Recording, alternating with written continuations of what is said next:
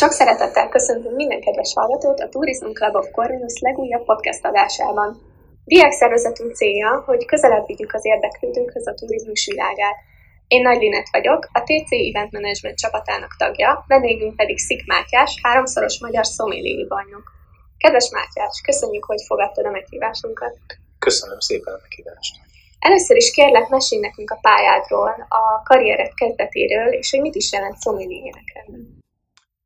Hát tulajdonképpen a szomeliének lenni egy picit más jelent, mint amit ma már én csinálok, hiszen a szónak a klasszikus értelmében a szomeli az, aki asztal mellett áll, és az étteremben vagy vendéglátóipari egységben gondoskodik az adott egységnek az ital kínálatáért. Ugye egy viszonylag közkeletű tévedés, hogy a szomeli az kizárólag borral foglalkozik, ez így ebben a formában nem igaz, mert a szomelinek mindenhez értenie kell egy étteremben vagy egyéb vendéglátóipari egységben, például hotelben, ami ital. Úgyhogy ilyen formán mindennel kell, hogy tudjon foglalkozni, de a legfőbb fókusz az természetesen az értékesítés és a vendég élmény megszerzése. Ezt nagyon jó, hogy tisztáztad, ugyanis én magam se tudtam pontosan, hogy mit csinál egy szominié, és igazából nem is gondoltam volna, hogy ilyen széleskörű feladatokat kell ellátnia.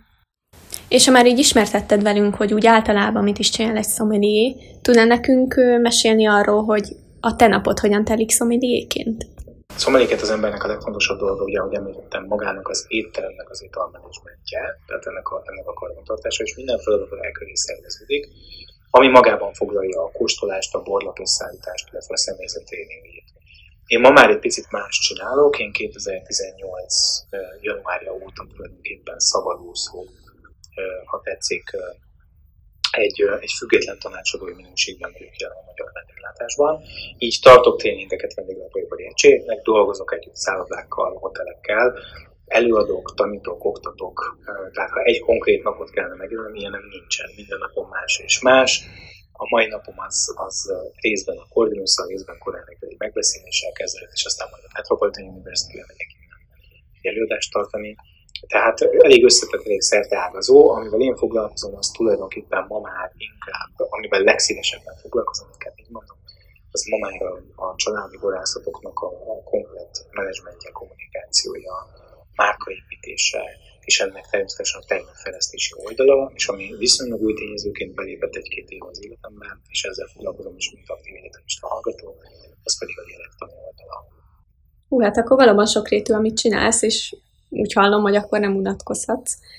Következő kérdésem az lenne, hogyha már itt a feladatoknál tartunk, hogy szerinted mit tesz valakit jó szomiliévé, és milyen képzéseket kell, illetve ajánlott elvégeznie annak, aki ebben a szakmában szeretne érvényesülni?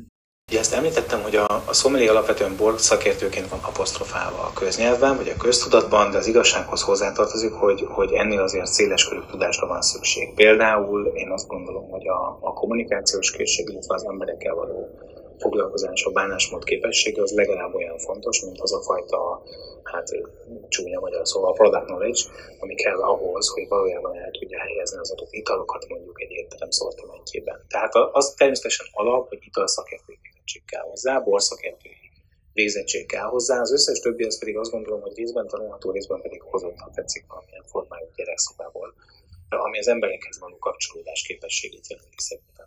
Tehát akkor azért kell, hogy az illető olyan személyiségjegyekkel és tulajdonságokkal rendelkezzen, valamint olyan kommunikációs készségekkel, amikkel könnyen szót tud érteni a, a vendégekkel. Mi mindig maradjunk egy kicsit a, a magánál, a szakmánál. Hogyan próbálja a szakma bevonzani a fiatalokat? Milyen edukációs programokat, egyéb eseményeket szerveznek számukra? sem mondanám, hogy próbálja bevonzani, de ez így ebben a formában nem lenne igaz. Nem is biztos, hogy szükség van rá. Ugyanis uh, ma a vendéglátásnak egyértelműen többé-kevésbé a rockstárja a szomeliék. Kifelé azért nagyon más látszik, mint ami befelé igaz. Kifelé azért az látszik, hogy, hogy, hogy pár órát benne van az étteremben, borokkal foglalkozik, löpölget egy poharat, és jókat eszik és jókat iszik. Azért ez a gyakorlatban ez egy nagyon kemény munka, és 20-14-16 órás elfoglaltságot jelent egy nap. Azért mondom, hogy elfoglaltság, mert nem kizárólag csak mondjuk az étteremben vagy a szállodában töltött időt tartozik ide, hanem az összes olyan háttér dolog, ami részben a tanuláshoz kell, részben pedig a borászatok látogatásához, kóstoláshoz, a rutin megszerzéséhez, stb. Tehát hogy mit tesz a szakma, én azt gondolom, hogy a, a optimális esetben a lehető legjobb fényben tünteti fel magát, de a realitásokat nem nélkülözve, ez azért fontos. Elég nagy érdeklődés övezi magát a szomeli hivatást, ami szerintem jó, de hozzátartozik, hogy ez egy, ez egy nagyon-nagyon-nagyon kemény Tehát, hogy ez azért sokakat elrettett ma, hogy egyáltalán bármitől, mi olyan világot élünk, ahol ma elégnek tűnik egy jó Instagram profil ahhoz, hogy valaki megéljen, és valós tudást és munkát beletenni valamiben, az, az sokakat elrettett. Nagyon érdekes, amit mondasz, és tök jó irányba vitted el a beszélgetést, ugyanis a következő kérdésem az lenne, hogy ha valaki érdeklődik a borok világa iránt, mit ajánlanál egyetemistaként, hogyan is merre induljon el? Szerintem érdemes figyelni azokat a borklubokat, illetve a borbároknak, éttermennek a boros programjait, amiket hirdetnek. Azért sok izgalmas és, és szakmai jó alapokon nyúló program létezik ma már, akár független borkereskedések, akár valamilyen brandhez kapcsolódó például egy-egy borászatnak az eseményei. Ezek szerintem izgalmas lehetőségek, ugyanakkor érdemes egy picit megalapozni a, tudását annak, akinek ez komolyabban érdekel, hiszen minél jobban értesz valamihez, annál jobban kezd élvezni. Tehát, hogyha ha elkezdesz ebben tanulni és előre menni, és egyre több kurzust elvégezni adott esetben, akkor egyre jobban fogod élvezni az egyszerű kustírokat is, akár egy karácsony, családi karácsony alkalmával. Most pedig ismét kicsit visszatérnénk hozzád. Tudnál nekünk mesélni arról, hogy mik a terveid a jövőre nézve? Igen, én egyre nagyobb hangsúlyt szeretnék helyezni a családi borászatoknak a családtagok egymáshoz való viszonyával való foglalkozásra. Tehát, ahogy mondtam, én a másik értelemben megtannal is foglalkozom, és családtudományon is foglalkozom, és azt gondolom, hogy ezt a kettőt ezt össze lehet hozni. Illetve fontos küldetésnek tartom azt, hogy addiktológiai oldalról tehát függőségtudományi szempontból foglalkozzunk, részben a vendéglátásban dolgozókkal, részben pedig azokkal a, a pálya iránt érdeklődő, vagy akár csak borfőző fiatalokkal, akiket ilyen szempontból nem közelítettünk meg.